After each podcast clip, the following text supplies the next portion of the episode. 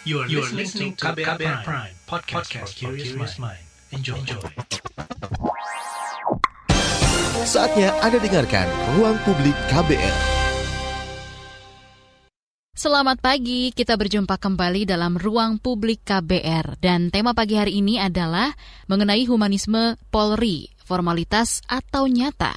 Saudara, dalam satu bulan terakhir, kinerja dan tingkah laku anggota kepolisian disorot masyarakat. Sampai beberapa kali ramai dan muncul tagar percuma lapor polisi.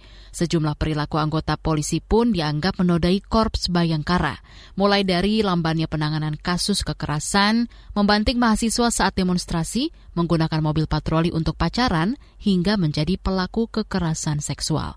Kapolri pun geram dan mengancam akan mencopot polisi daerah jika ada anak buahnya yang tetap melanggar etika dan kedisiplinan lembaganya anggota-anggota yang melakukan penyimpangan dan itu berdampak terhadap organisasi, maka saya minta untuk rekan-rekan tidak ragu-ragu untuk melakukan tindakan tegas. Karena ini untuk kepentingan organisasi. Dan mohon maaf, kalau tidak mampu, kalau tidak mampu membersihkan ekor, maka kepalanya yang saya. Karena ini semua untuk kebaikan, untuk organisasi yang kita cintai. Lalu bagaimana seharusnya polisi menjadi pengayom masyarakat seutuhnya? Untuk mengetahui penjelasannya, kita akan simak bersama-sama perbincangan Fitri Anggraini bersama Ketua Harian Kompolnas Beni Mamoto dan pengamat kepolisian Bambang Rukminto. Pada segmen kali ini kita simak penjelasan Ketua Harian Kompolnas Beni Mamoto dipandu Fitri Anggraini. Pak Beni, beberapa waktu lalu kan muncul tagar di uh, dunia maya percuma lapor polisi.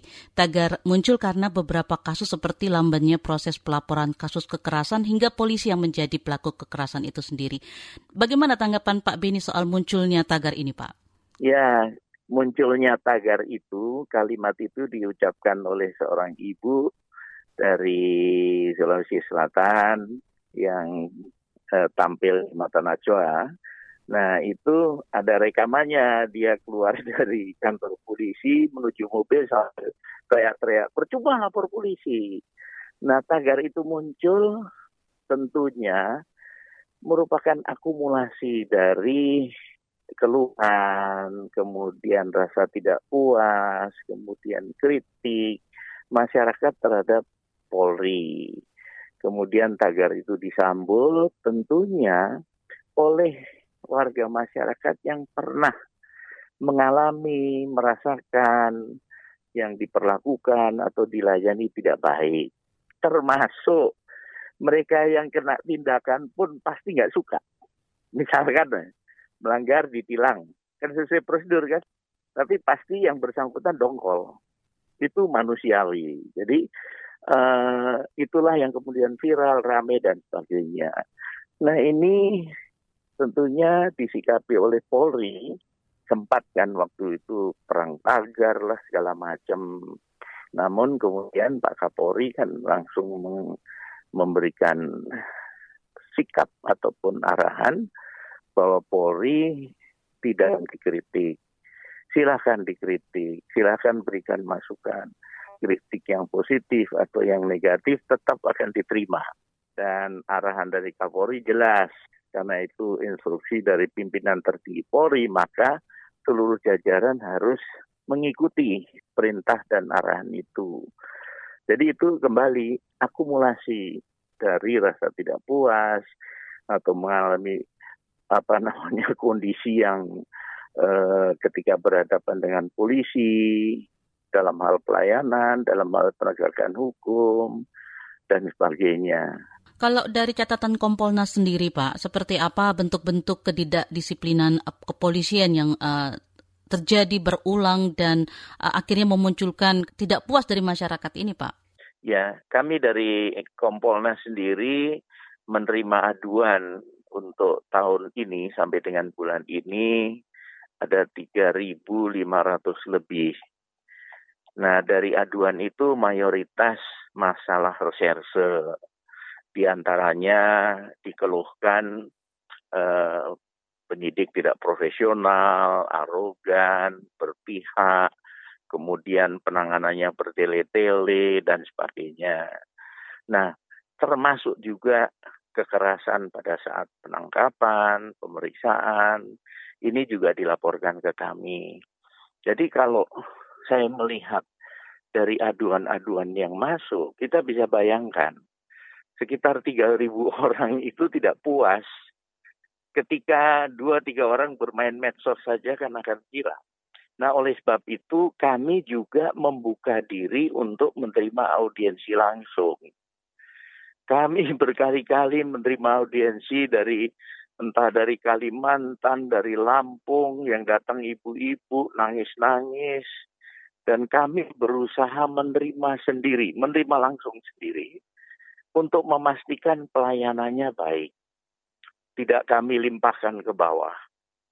Karena kami cukup pengalaman dalam hal menangani kasus karena background kami dulu CRT. Jadi tahu persis ketika orang lapor ke polisi di awal itu stresnya masih level 1 lah. Ketika datang ke Kompolnas itu stresnya sudah level 4 lebih. Kenapa? Dia sudah mentok ke sini, mentok ke sini, mentok. Akhirnya lari ke Kompolnas. Itu harus ekstra sabar harus menunjukkan sikap empati, harus kita benar-benar uh, menerima mereka sampai dengan mereka bisa menuangkan semua keluh kesah, semua masalahnya, sehingga lega. Makanya mereka yang datang ke kami ketika awal mukanya murung, stres, syukur ketika pulang tuh senyum. Karena kami selalu sampaikan, Ibu, Bapak, semua keluh kesah sudah dilimpahkan ke, ke kami berarti beban ibu sudah berkurang. Biarlah beban ini kami tanggung untuk kami tindak lanjuti.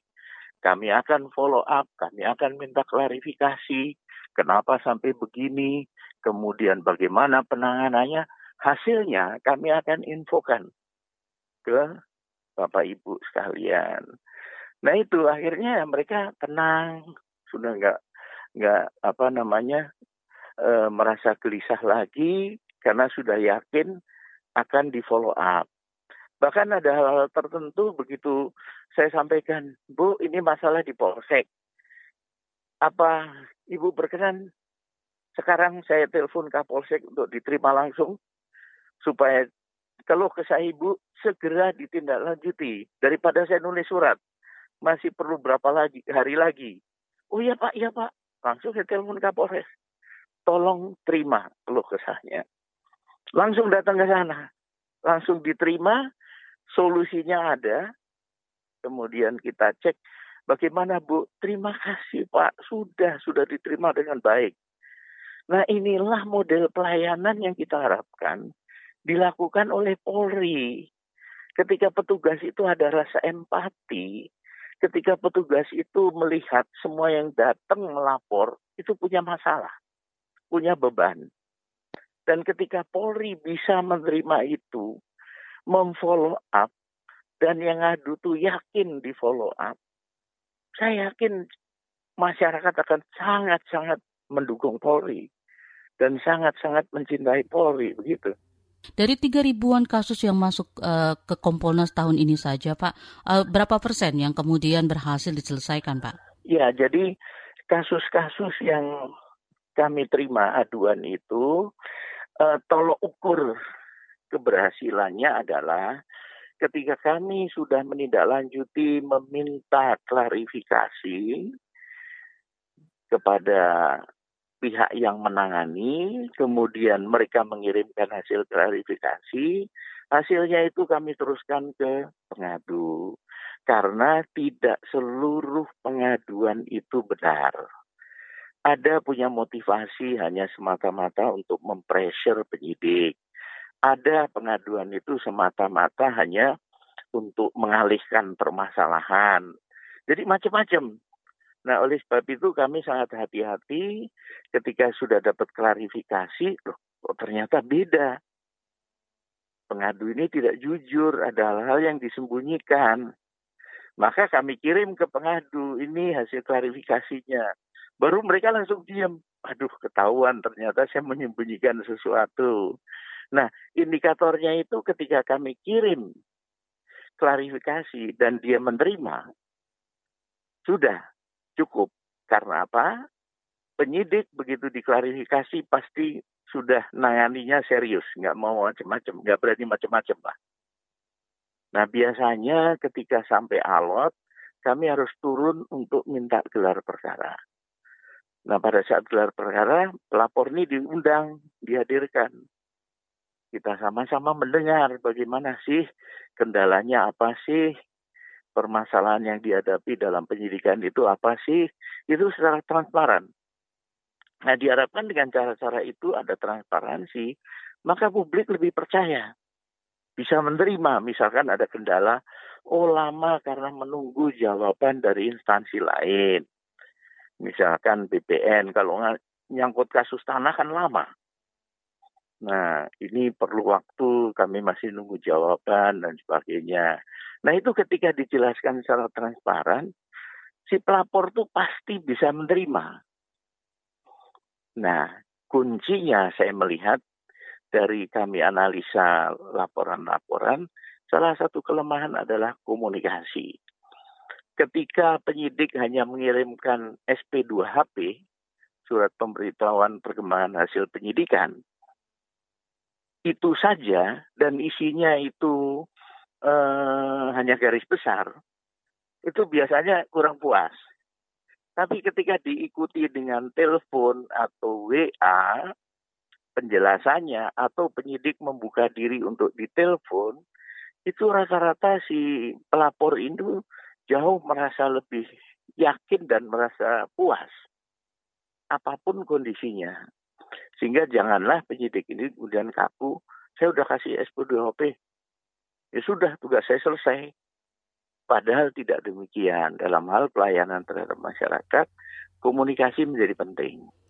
Iya, tampaknya selain ke Kompolnas, masyarakat juga sekarang melapornya ke media sosial gitu ya Pak ya, supaya viral dan kemudian uh, baru mendapat perhatian dari pihak kepolisian, baru kemudian ditangani begitu Pak? Betul, ini ada tren begini masyarakat di tengah pandemi ini kan rasa stres frustrasi karena keadaan ekonomi pengangguran dan sebagainya. Di sisi lain sekarang ini era disruptif. Era di mana terjadi perubahan yang sangat-sangat mendasar di mana sentuhan teknologi sangat dominan. Bisnis saja yang konvensional gulung tikar semua. Digantikan dengan yang semua pendekatannya digital. Contoh saja dulu kita tidak pernah terpikir bahwa nggak usah ke restoran, makanan bisa sampai di rumah. Kita nggak pernah mikir dulu. Sekarang terjadi. Oleh sebab itu, pengawasan publik pun berubah. Ternyata dengan menggunakan media sosial, dengan memviralkan, itu lebih efektif. Ini akan menjadi tren ke depan oleh sebab itu Polri harus berubah. Bagaimana menyikapi ini harus berubah. Yaitu bagaimana dengan inovasi-inovasi yang diciptakan seperti pelayanan SIM online. Itu kan uh, inovasi yang bagus, mengurangi pungli dan sebagainya. Tetapi juga dalam hal penanganan perkara, ini bagaimana mesti disikapi dengan perkembangan teknologi yang sekarang. Nah kemudian juga kita menyadari bahwa pengawasan publik itu memaksa percepatan Polri untuk berubah. Itu dipaksa. Ya sama dengan dunia bisnis sama kan. Kalau dunia bisnis itu pilihannya mati atau ditinggal. Kalau ini ya pilihannya citranya rusak atau mau baik. Nah oleh sebab itu saya melihat langkah Kapolri kemarin sudah tepat potong kepala. Artinya di sini ada sikap tegas dari pimpinan.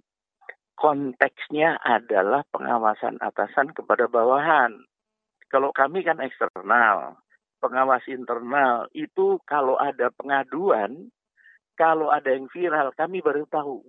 Tapi yang tahu hari-hari kelakuan anggota itu atasannya langsung. Kepala unit penyidik punya anak buah 10 dia bertanggung jawab mengawasi anak buahnya yang 10, termasuk membina, termasuk mengarahkan, termasuk memberi pembekalan, supaya anggotanya menangani masalah kasus-kasusnya itu dengan baik.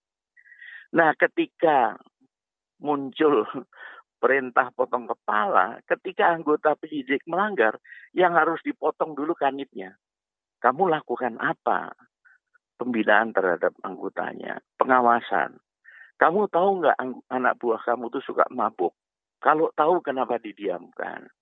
Begitu tahu harusnya senjata dicabut. Nggak boleh pegang senjata.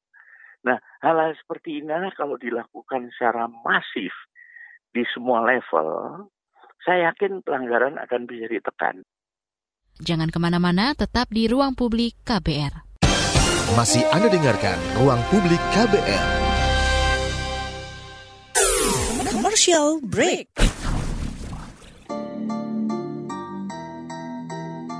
Come on yo, buat yang sukanya berhoax, you better listen to this one. Check this one out yo. Hati-hati kalau baca kabar. Hoax, Jangan langsung disebar kabar yang hoax, Kalau mau tahu kabar benar atau hoax, Dengerin cek fakta yang pasti bukan hoax, Dengerinnya setiap Senin yang jelas bukan hoax. Cuma ada di kbrprime.id. Dan aplikasi podcast lainnya Hoax, Sudah cukup-cukup hoaxnya? Hoax. Cukup Jaga emosi, tahan jari, verifikasi sebelum dibagi. Saya Aribo Sasmito, Ketua Komite Pemeriksa Fakta Mafindo. KBR Prime, podcast for curious mind. Masih Anda dengarkan ruang publik KBR. Kita masih akan menyimak penjelasan Ketua Harian Kompolnas, Beni Mamoto, mengenai humanisme lembaga kepolisian. Namun sebelumnya kita akan menyimak kembali penjelasan Kapolri mengenai pentingnya mengayomi masyarakat. terkait dengan kepemimpinan. Kepemimpinan kemudian menjadi penting. Rekan-rekan yang baru saja selesai melaksanakan pendidikan akan menjadi pemimpin-pemimpin. Jadilah rekan-rekan menjadi pemimpin lapangan yang kuat, yang menguasai lapangan, bergerak cepat, inovatif, responsif, peka terhadap perubahan situasi ini yang selalu saya tekan. Dan berani keluar dari zona nyaman turun langsung ke lapangan untuk kemudian mengetahui apa yang menjadi kesulitan anak buah, apa yang dirasakan oleh masyarakat. Jaga emosi, jangan terpancing. Karena emosi yang mudah meledak dan tidak bisa dikontrol ini juga tentunya akan mengakibatkan perbuatan yang kita lakukan kemudian tidak terukur dan ini juga berdampak apalagi bagi rekan-rekan yang memiliki kewenangan diberikan kewenangan khusus oleh undang-undang dan ini berpotensi menjadi masalah apabila kita tidak bisa kontrol. Jadilah pemimpin yang mampu melayani. Bagaimana seorang pemimpin itu harus bisa melayani, menempatkan anggota masyarakat sebagai prioritas nomor. Jangan kita hanya memerintah dan kemudian tidak tahu kesulitan anggota ini tentunya akan menjadi masalah.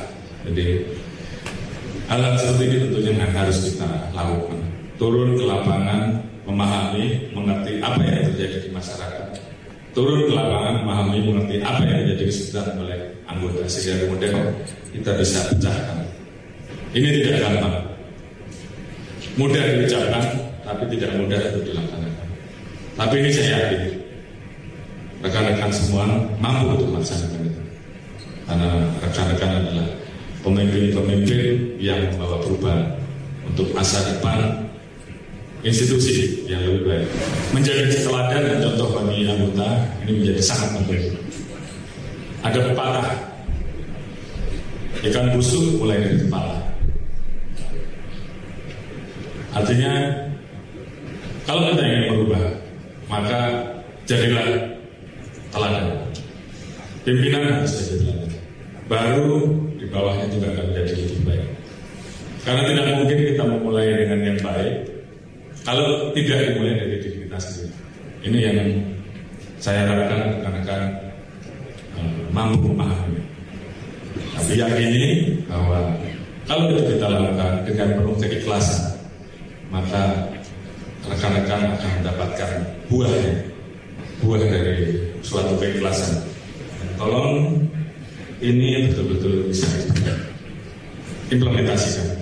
Bukan hanya sekedar pepatah, bukan hanya sekedar teori, tapi bagaimana kemudian kita implementasikan. Jadi tolong bantu saya untuk bisa mewujudkan program Polri yang presisi, Polri yang diharapkan, Polri yang dicintai dan dekat dengan masyarakat.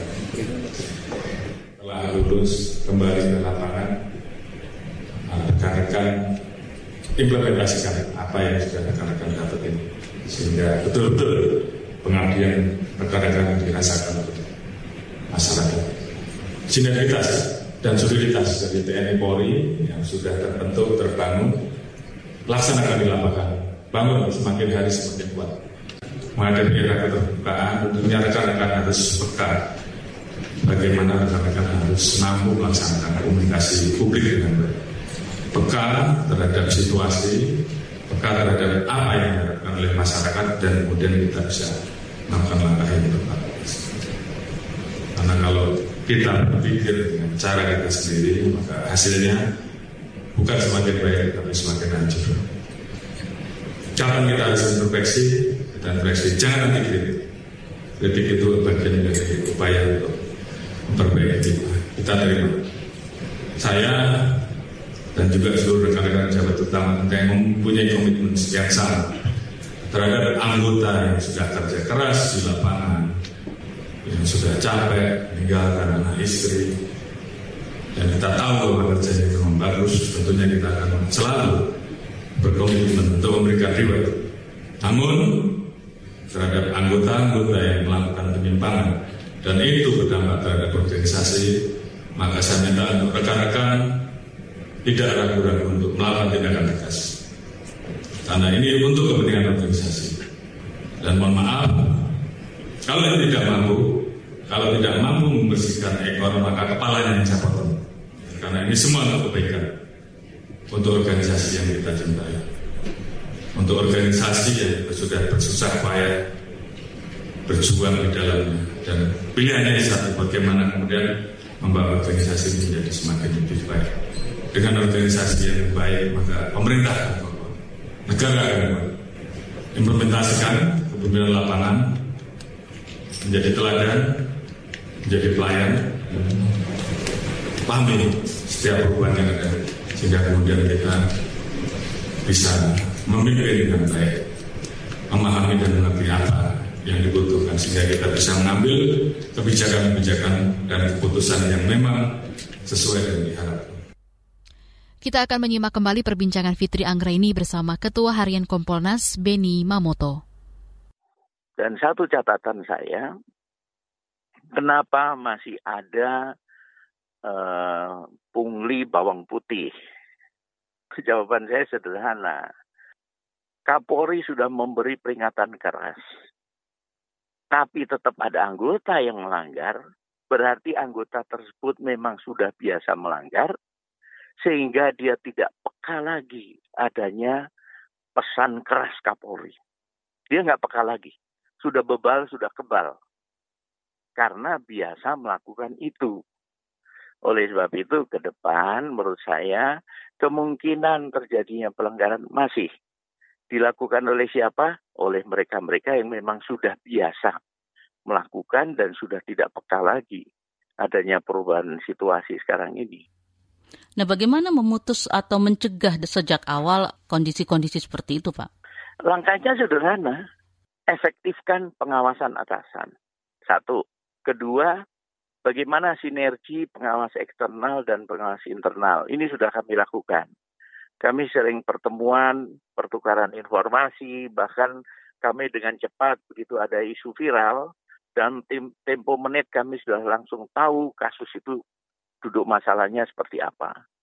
Karena dengan kecepatan kita berkomunikasi dengan jajaran di Polda, mereka langsung respon, oh duduk perkara kasus ini begini Pak, laporan lengkapnya.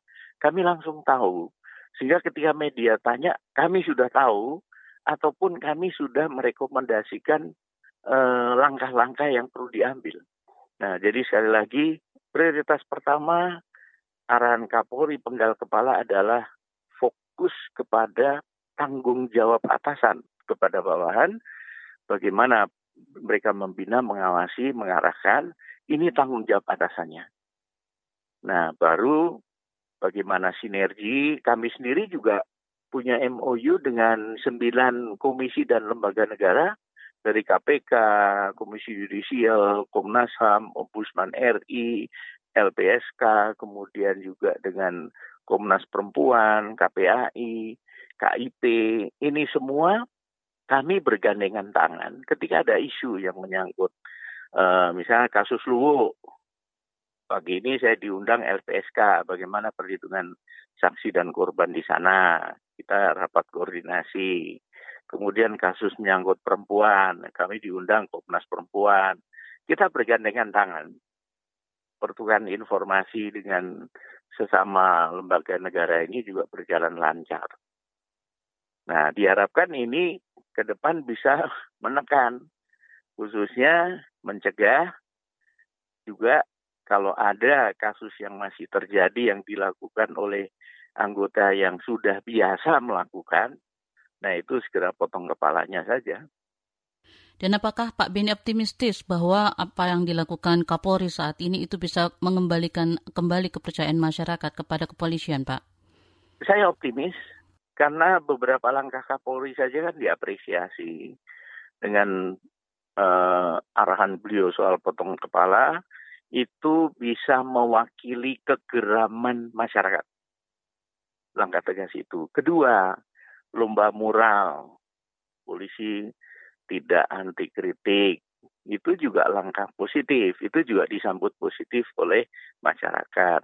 Nah sekarang tinggal ke depan adalah mengefektifkan pengawasan atasan, kemudian sinergi kami dengan internal, ditambah lagi nanti yang diperlukan adalah konsistensi sikap. Jangan kendor terus saja bersih-bersih ini dilakukan dengan beberapa contoh Kapolres dicopot, itu diharapkan memberi efek jerah pada Kapolres yang lain bahwa ketika melakukan tindakan yang e, menyimpang atau anggotanya melakukan tindakan yang menyimpang, di mana dia ada pembiaran, ya kena juga gitu bagi masyarakat yang ingin melapor lewat Kompolnas, Pak? Seperti apa saluran yang bisa digunakan dan bagaimana cara pelaporan dan apa sebenarnya yang bisa dilaporkan, Pak? Ya, yang pertama silahkan mengunjungi website Kompolnas ya www.kompolnas.go.id di sana ada apa eh, kalau begitu dibuka nanti ada i-lapor Kompolnas. Jadi silahkan nanti diisi identitas pelapornya atau pengadunya, kemudian masalah yang diadukan itu apa, kalau ada berkas lampirannya bisa di-scan, dilampirkan, itu langsung kami proses. Ini secara online.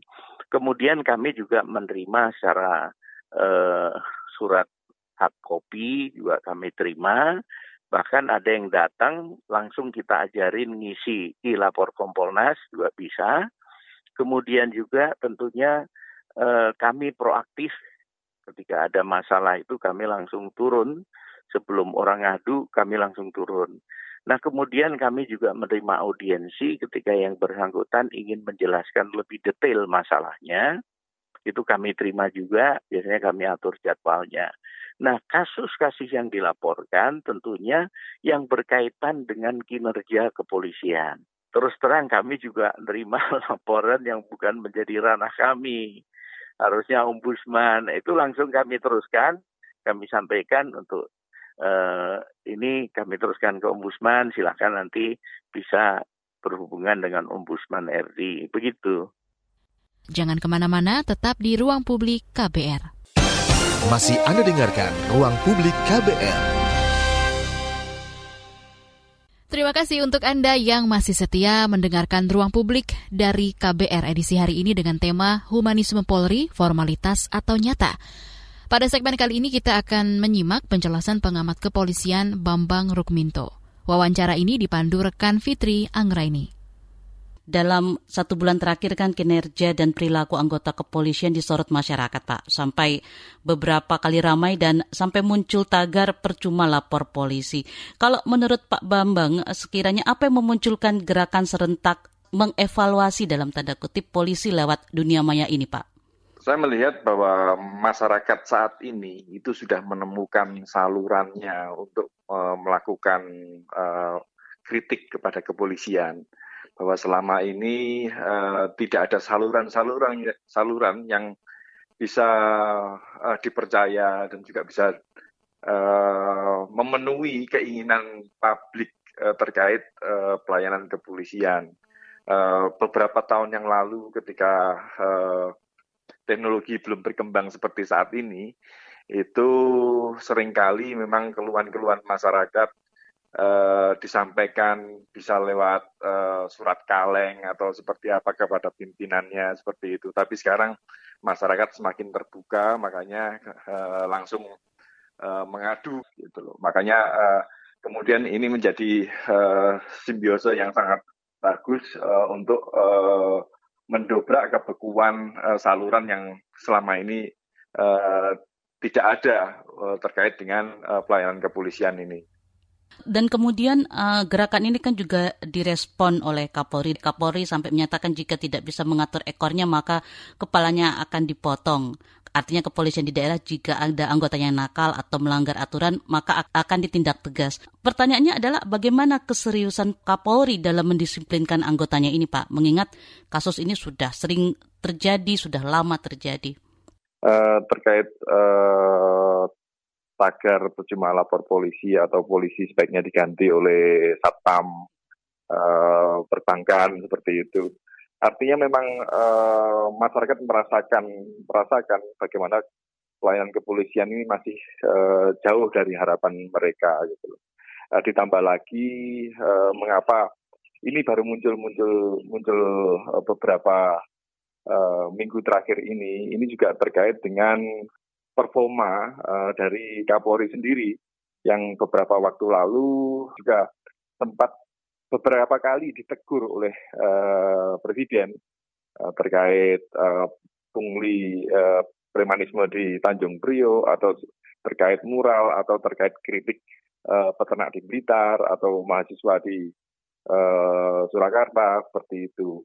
Uh, makanya uh, kemudian uh, saat ini Kapolri melakukan gebrakan uh, mencopot beberapa uh, perwira menengah kasatwil di beberapa daerah kemudian juga uh, memberikan pernyataan yang sangat keras bahwa uh, ikan uh, busuk dari kepalanya ini ini tentunya uh, menjadi semacam ikir ya. Uh, bagaimana Kapolri ini menjadi greget uh, untuk benar-benar mewujudkan visi misinya visi presisi yang disampaikan di awal uh, dialog kepemimpinannya gitu. Hanya saja hanya saja saya melihat ini jangan sampai hanya sekedar uh, gebrakan-gebrakan yang hangat-hangat tai ayam atau sekedar ini hanya sekedar uh, kampanye uh, untuk menyenangkan uh, publik, tetapi harus diiringi dengan tindakan-tindakan yang lebih uh, substansial gitu loh, uh, yakni membangun sistem uh, pengawasan yang lebih ketat uh, kepada jajarannya.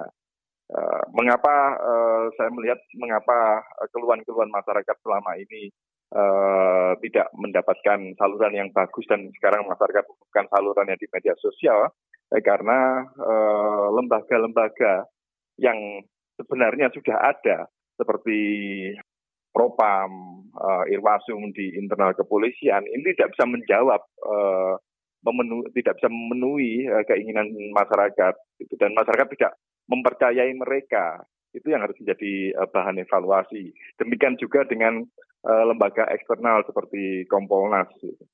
uh, mereka juga tidak menemukan masyarakat tidak menemukan bagaimana Eh, keluhan-keluhan ini tersampaikan kepada eh, lembaga-lembaga tersebut, makanya masyarakat lebih memilih uh, melalui jalur media sosial seperti itu. Tapi kalau dari yang sudah-sudah kita lihat uh, aksi yang dilakukan polisi pencopotan atau melepaskan jabatan uh, seorang perwira menengah, lalu kemudian biasanya apakah ada langkah pendisiplinan berikutnya, Pak? Atau hanya sampai di situ saja sampai kemudian kasusnya hilang begitu. Dan bagaimana sebenarnya wujud pendisiplinan yang tepat itu menurut Anda, Pak? Um, pada tataran yang lebih fatal, uh, yang lebih berat, memang uh, seorang anggota kepolisian yang melanggar hukum harus dituntut uh, dipidanakan ya. Jangan hanya sekedar uh, jangan sekedar diberikan sanksi etik atau sanksi disiplin seperti itu. Uh, kita, saya melihat bahwa gebrakan-gebrakan yang dilakukan uh, Pak Listio pada tanggal 31 kemarin dengan mengeluarkan uh, surat uh, keputusan mencopot beberapa kapolres juga beberapa uh, perwira menengah uh, yang melanggar disiplin ini sangat bagus dan dan harus uh, hanya saja harus dikembangkan. Jangan sampai hanya ikan-ikan kecil atau ikan-ikan menengah ini saja yang yang dicopot. Uh, tapi uh, ikan-ikan yang di atas yang lebih besar itu juga harus benar-benar diperhatikan. Uh, kita kita masyarakat juga memperhatikan kasus uh, Irjen Napoleon Bonaparte misalnya seperti itu. Yang sampai sekarang juga belum diberhentikan dari anggota kepolisian gitu. Itu yang yang harus uh, menjadi uh, bahan evaluasi oleh Kapolri sendiri jangan sampai ini uh, cuma hanya menyasar kepada perwira-perwira menengah saja tetapi untuk perwira-perwira tinggi uh, tidak berlaku gitu. Tapi Pak sebenarnya kalau uh, yang kita lihat beberapa uh, waktu yang belakangan muncul ini kan lebih banyak terkait soal perilaku begitu ya Pak ya uh, melakukan kekerasan seksual kepada anak tahanan juga berpacaran dengan menggunakan mobil patroli lalu juga penanganan demonstrasi yang represif begitu. Tetapi apakah kasus-kasus yang lain mungkin yang lebih besar yang melibatkan institusi itu uh, belum bisa ditangani seperti yang saat ini Pak? Ya, ini ini menjadi uh, problem memang di internal kepolisian. Uh, memang kasus-kasus yang sekarang menjadi sorotan masyarakat karena memang uh, bersentuhan langsung dengan masyarakat gitu. Terkait pelecehan seksual, terkait kekerasan, kan langsung terkait dengan masyarakat umum gitu. Terkait dengan kasus-kasus yang di internal, pungli di internal dan lain-lain yang tidak tampak. Terus juga terkait dengan kejahatan kerah putih misalnya seperti itu uh, sampai sekarang juga belum tersentuh. Makanya lagi-lagi bahwa uh, kewenangan kepolisian ini sangat besar sekali uh, kepada masyarakat ya. Hanya saja kontrolnya uh, nyaris tidak ada. Makanya uh, uh, potensi untuk penyalahgunaan kewenangan ini sangat besar sekali. Makanya lagi-lagi sering saya sampaikan bahwa uh, harus uh, perlu lembaga untuk mengawasi kepolisian ini. Sejauh ini belum ada Pak lembaga yang seperti Anda maksud itu Pak yang menjalankan fungsi kontrol dan pengawasan secara maksimal ini Pak. Undang-Undang uh, 2 tahun 2002 uh, tidak memberikan uh, ruang untuk kontrol masyarakat. Gitu. Uh, Kompolnas uh, hanya berfungsi untuk memberikan masukan uh, kepada presiden, uh, tapi tidak uh, tidak mempunyai kewenangan untuk uh, memberikan sanksi kepada uh, anggota kepolisian atau memberikan masukan kepada Kapolri untuk menyangsi anak buahnya seperti itu. Uh, selain itu juga uh, komposisi Kompolnas sendiri yang masih uh, minim dari masyarakat ini juga menjadi problem sendiri. Bagaimana uh, wakil dari masyarakat ini tentunya tidak bisa berbicara banyak uh, terkait dengan uh, pelayanan kepolisian ini. Jadi makanya bila kasusnya tidak uh, viral di media sosial, tidak muncul videonya mungkin masyarakat jadi tidak tahu kalau ada satu kasus terjadi terkait dengan perilaku anggota kepolisian begitu ya Pak ya? Betul, akibatnya memang seperti itu. Uh, kalau melihat statistik pelaporan kepada kepada kepolisian soal pelayanan kepada masyarakat ini relatif uh, datar saja. Demikian juga laporan kepada Kompolnas ini sangat datar saja. Uh, mungkin setiap tahun hanya sekitar 3.000 kasus. Ini ini menunjukkan bahwa uh, masyarakat ini apatis terhadap kebijakan-kebijakan yang saat ini ada gitu.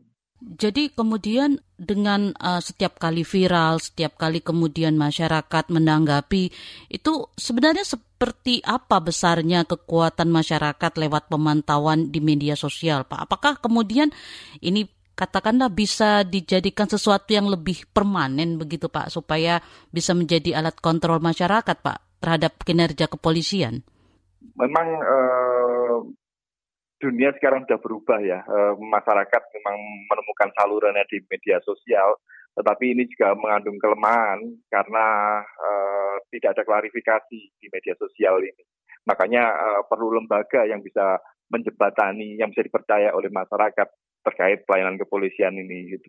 Tanpa ada klarifikasi, tentunya kasus-kasus ini bisa sumir gitu. Belum tentu kebenarannya, belum terbukti kebenarannya. Tapi masyarakat sudah memviralkan. Ini kan bahaya berbahaya sekali gitu loh. Jangan ke mana-mana, tetap di ruang publik KBR. Masih Anda dengarkan ruang publik KBR.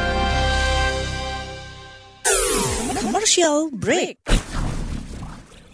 Ada kesedihan, air mata, dan trauma. Namun ada juga gelak tawa, bahagia, dan rasa bangga. Cerita kehidupan manusia adalah perjuangan dan pembelajaran. Pertanyaan dibalik itu secara psikologi, apakah dia punya niat membunuh? Kan belum tentu. Saya kaget ketika ada konflik sesama orang Madura sendiri mengatasnamakan aliran keagamaan. Sejak itu, warga Syiah harus mengungsi sampai sekarang. Untuk kehidupan saya pada waktu itu aja nggak menentu kan. Boro-boro mikirin untuk perpustakaan gitu. Saga, cerita tentang nama, peristiwa, dan fakta. Liputan khas KBR ini telah memenangkan berbagai penghargaan nasional dan internasional. Anda sedang mendengarkan program Saga Produksi KBR. Simak di program Buletin Pagi pukul 6 waktu Indonesia Barat, Buletin Sore pukul 16 waktu Indonesia Barat, dan KBR Pagi pukul 7 waktu Indonesia Barat. Dengarkan Saga di radio jaringan KBR di Nusantara atau streaming di kbr.id. Saga juga hadir dalam bentuk podcast di kbrprime.id. KBR, inspiratif, terpercaya. Masih Anda dengarkan Ruang Publik KBR. Kita sudah tiba di bagian akhir ruang publik KBR edisi hari ini. Dan bagi Anda yang tidak sempat mendengarkan siaran ini secara utuh, bisa mendengarkannya kembali di podcast kbrprime.id, lalu pilih ruang publik. Pada segmen ini kita masih akan menyimak penjelasan pengamat kepolisian Bambang Rukminto. Kami juga masih mengangkat tema humanisme Polri, formalitas atau nyata. Catatan redaksi sejauh ini nampaknya lulusan SMA yang berminat sekolah di Akpol itu juga masih tinggi, Pak. Sebenarnya apa yang menjadi ekspektasi para angkatan muda ini dalam menuntut ilmu di pendidikan kepolisian dan bagaimana sejak awal soal pendisiplinan karakter ini menjadi harusnya menjadi fokus, Pak? Ya, saya melihatnya begini, minat generasi muda kita untuk memasuki uh, kepolisian ini sangat besar sekali gitu. Uh, hanya saja uh, dunia juga uh, sudah berubah gitu loh, zaman sudah berubah, kalau di zaman dulu mungkin masuk kepolisian ini dengan visi misi idealisme uh, untuk uh, membantu masyarakat menangkap penjahat, uh, tapi saat ini saya melihatnya sudah muncul pragmatisme bahwa untuk masuk kepolisian itu untuk menjadi kaya gitu loh. Dan ini dicontohkan dicontohkan